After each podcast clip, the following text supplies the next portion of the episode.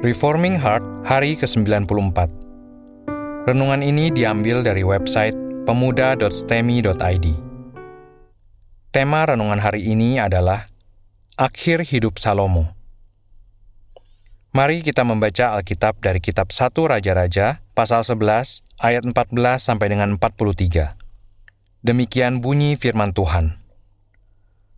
Lawan-lawan Salomo Kemudian Tuhan membangkitkan seorang lawan Salomo, yakni Hadad, orang Edom, ia dari keturunan Raja Edom.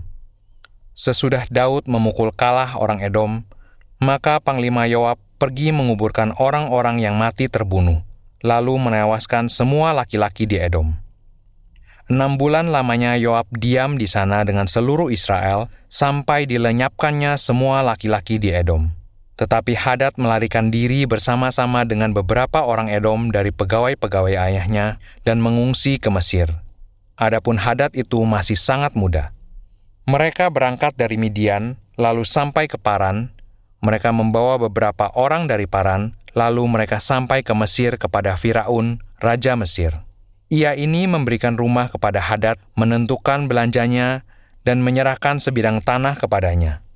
Hadad demikian disayangi Firaun, sehingga diberikannya kepadanya seorang istri, yakni adik istrinya sendiri, adik permaisuri Tahpenes. Lalu adik Tahpenes itu melahirkan baginya seorang anak laki-laki, Genubat namanya, dan Tahpenes menyapi dia di istana Firaun, sehingga Genubat ada di istana Firaun di tengah-tengah anak-anak Firaun sendiri ketika didengar Hadad di Mesir bahwa Daud telah mendapat perhentian bersama-sama dengan nenek moyangnya dan bahwa Panglima Yoab sudah mati juga, maka berkatalah Hadad kepada Firaun, "Biarkanlah aku pergi ke negeriku." Lalu bertanyalah Firaun kepadanya, "Tetapi kekurangan apakah engkau padaku ini, maka engkau tiba-tiba berniat pergi ke negerimu?" Jawabnya, "Aku tidak kekurangan apa pun. Namun demikian, biarkanlah juga aku pergi." Allah membangkitkan pula seorang lawan Salomo, yakni Rezon bin Alyada, yang telah melarikan diri dari tuannya, yakni Hedadeser, Raja Zoba. Ia mengumpulkan orang-orang, lalu menjadi kepala gerombolan. Ketika Daud hendak membunuh mereka, maka pergilah mereka ke Damsyik, dan di situlah mereka mengangkat Rezon menjadi raja. Dialah yang menjadi lawan Israel sepanjang umur Salomo. Ia mendatangkan malapetaka sama seperti Hadad. Ia muak akan orang Israel dan menjadi raja atas Aram. Juga Yerobeam bin Nebat, seorang Efraim dari Zereda, seorang pegawai Salomo. Nama ibunya Zerua, seorang janda, memberontak terhadap raja. Inilah alasannya mengapa ia memberontak terhadap raja. Salomo mendirikan Milo, dan ia menutup tembusan tembok kota Daud ayahnya. Yerobeam adalah seorang tangkas. Ketika Salomo melihat bahwa orang muda itu seorang yang rajin bekerja, maka ditempatkannya lah dia mengawasi semua pekerja wajib dari keturunan Yusuf. Pada waktu itu, ketika Yerobeam keluar dari Yerusalem, Nabi Ahia orang Silo itu mendatangi dia di jalan dengan berselubungkan kain baru, dan hanya mereka berdua ada di padang. Ahia memegang kain baru yang di badannya, lalu dikoyakannya menjadi dua belas koyakan. Dan ia berkata kepada Yerobeam, Ambillah bagimu sepuluh koyakan, sebab beginilah firman Tuhan Allah Israel. Sesungguhnya aku akan mengoyakkan kerajaan itu dari tangan Salomo, dan akan memberikan kepadamu sepuluh suku. Tetapi satu suku akan tetap padanya oleh karena hambaku Daud, dan oleh karena Yerusalem, kota yang kupilih itu dari segala suku Israel.' Sebabnya ialah karena ia telah meninggalkan aku dan sujud menyembah kepada Asitoret, Dewi orang Sidon, kepada Kamos, Allah orang Moab, dan kepada Milkom, Allah Bani Amon. Dan ia tidak hidup menurut jalan yang kutunjukkan dengan melakukan apa yang benar di mataku, dan dengan tetap mengikuti segala ketetapan dan peraturanku, seperti Daud ayahnya. Bukan dari tangannya akan kuambil seluruh kerajaan itu, Aku akan membiarkan dia tetap menjadi raja seumur hidupnya oleh karena hambaku Daud yang telah kupilih dan yang tetap mengikuti segala perintah dan ketetapanku.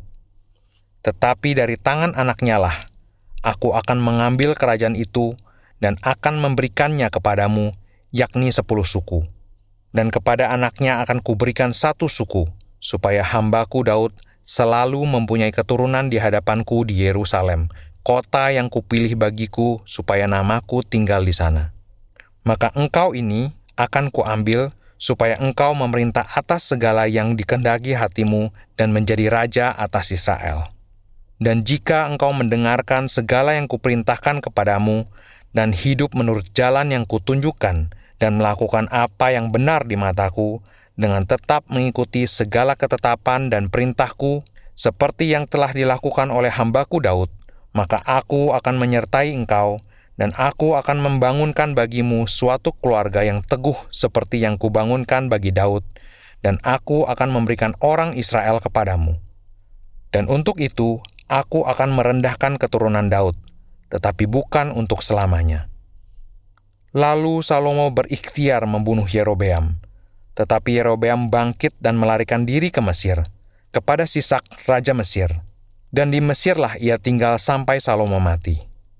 Selebihnya dari riwayat Salomo dan segala yang dilakukannya dan hikmatnya, bukankah semua itu tertulis dalam kitab riwayat Salomo? Lamanya Salomo memerintah di Yerusalem atas seluruh Israel ialah 40 tahun.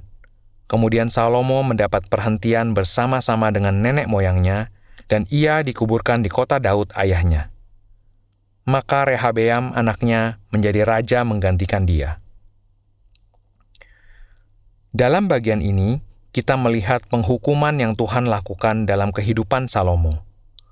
Tuhan telah berjanji tidak akan memecahkan kerajaan itu dalam masa hidup Salomo, tetapi Tuhan memberikan penghukuman yang sangat menjadikan jikalau kita memahaminya. Mari kita lihat apa sajakah yang telah Tuhan lakukan. Yang pertama, membangkitkan hadat orang Edom. Hal pertama yang Tuhan lakukan di dalam ayat 14 sampai 22 adalah membangkitkan seorang bernama Hadad. Dikatakan bahwa Hadad adalah anak raja dari Edom. Edom adalah kerajaan yang telah ditaklukkan oleh Daud dan menjadi tunduk kepada Israel sejak penaklukan itu. Mari kita melihat kitab 2 Samuel pasal 8 ayat 13 sampai dengan 14 yang berbunyi demikian. Demikianlah Daud mendapat nama dan ketika ia pulang, ia menewaskan 18.000 orang Edom di lembah Asin. Lalu ia menempatkan pasukan-pasukan pendudukan di Edom, di seluruh Edom ditempatkannya pasukan-pasukan pendudukan, sehingga seluruh Edom diperbudak oleh Daud. Tuhan memberi kemenangan kepada Daud ke mana pun ia pergi berperang. Tetapi apa yang dikatakan di dalam bacaan kita ini adalah bahwa anak raja dari Edom yang berhasil melarikan diri dan tinggal di Mesir. Dia tinggal di dalam pelarian di Mesir dengan perasaan dendam kepada Israel.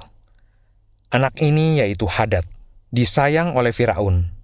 Salomo sendiri berusaha menjaga relasi politiknya dengan Mesir dan karena itu dia menikahi putri Firaun di dalam satu Raja-Raja pasal 3 ayat 1. Sekarang Tuhan memecahkan relasi itu dengan membuat musuh Israel, yaitu Hadad, menjadi kesayangan Firaun. Setelah Hadad mendengar bahwa Daud dan Yoab telah mati, dia berkeras ingin kembali ke Edom. Dengan kembalinya Hadad ke Edom, maka dia akan menjadi ancaman potensial bagi Israel. Edom menjadi daerah yang sulit ditaklukkan dengan adanya orang ini. Inilah hukuman Tuhan yang pertama, yaitu mencabut kekuasaan Salomo atas daerah jajahan di sebelah selatan. Yang kedua, membangkitkan Rezon untuk berkuasa di Damsik. Hal berikutnya yang Tuhan lakukan adalah membangkitkan Rezon untuk membebaskan Damsik dari kekuasaan Salomo. Rezon membenci Israel dan berhasil menjadi pemimpin orang-orang Aram. Kekuasaan Rezon atas Aram dan perasaan bencinya kepada Israel membuat Salomo kehilangan kuasa atas daerah jajahan di sebelah utara. Tuhan mulai memotong daerah Israel dari kekuasaan Salomo. Tuhan tidak mengizinkan dia menjadi penguasa atas daerah yang sangat luas. Sekarang daerah jajahannya satu persatu Tuhan lepaskan dari dia. Yang ketiga, membangkitkan Yerobeam. Hal ketiga yang Tuhan lakukan adalah memanggil seorang bernama Yerobeam menjadi raja atas sepuluh suku Israel. Yerobeam dipanggil oleh Tuhan melalui seorang nabi bernama Ahia. Siapakah Yerobeam? Yerobeam adalah seorang yang sangat tangkas dan pintar mengatur orang. Salomo sangat mempercayai dia untuk mengatur para buruh dan pekerja. Yerobeam adalah juga seorang tentara yang sangat pemberani dan perkasa. Maka atas kepercayaan Salomo, dia menjadi pemimpin para pekerja keturunan suku Efraim dan Manasya yang sangat banyak jumlahnya. Tetapi kemudian Nabi Ahia datang kepada Yerobeam, memberikan nubuat dari Tuhan tentang Salomo, dan mengurapi Yerobeam menjadi raja atas sepuluh suku Israel. Salomo sangat marah dan ingin membunuh Yerobeam. Salomo mulai melihat anak muda ini sebagai ancaman dan berusaha membinasakan dia. Tetapi Yerobeam berhasil melarikan diri ke Mesir dan mencari perlindungan di sana sampai Salomo mati. Hukuman apakah ini? Hukuman ini adalah hukuman yang menjerumuskan Salomo hingga sampai pada level Saul.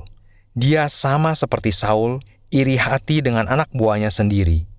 Sama seperti Saul iri hati kepada ayahnya, demikian sekarang Salomo iri hati kepada Yerobeam yang adalah ancaman potensial atas kerajaannya.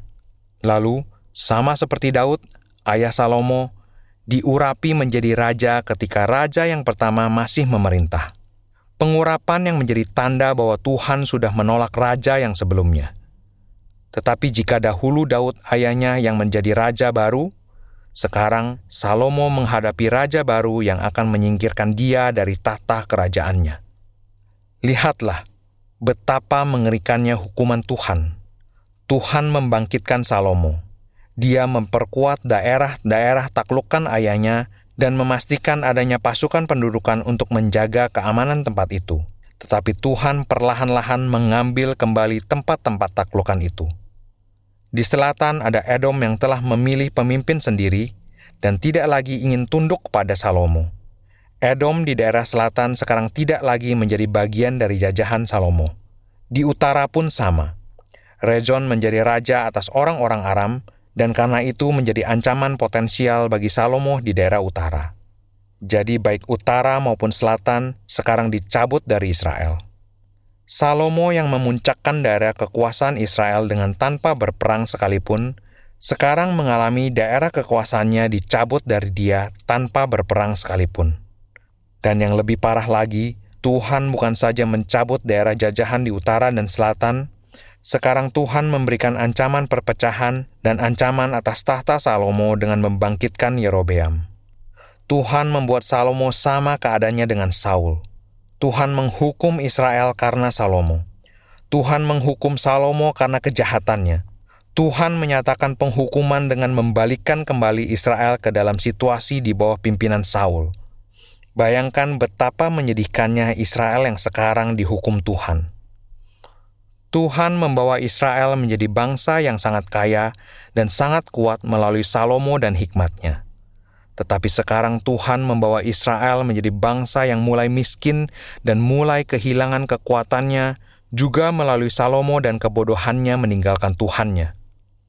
Bagian terakhir menutup kehidupan Salomo dengan catatan menyedihkan. Salomo pada akhirnya mati tidak ada catatan mengenai perpindahan tahta yang berlangsung dengan hormat dan penuh makna seperti ketika dia mendapatkan tahtanya dari Daud.